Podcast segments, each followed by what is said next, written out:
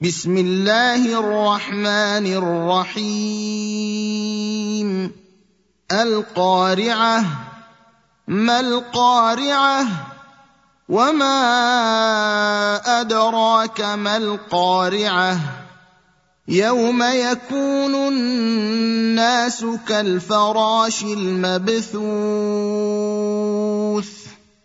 وتكون الجبال كالعهن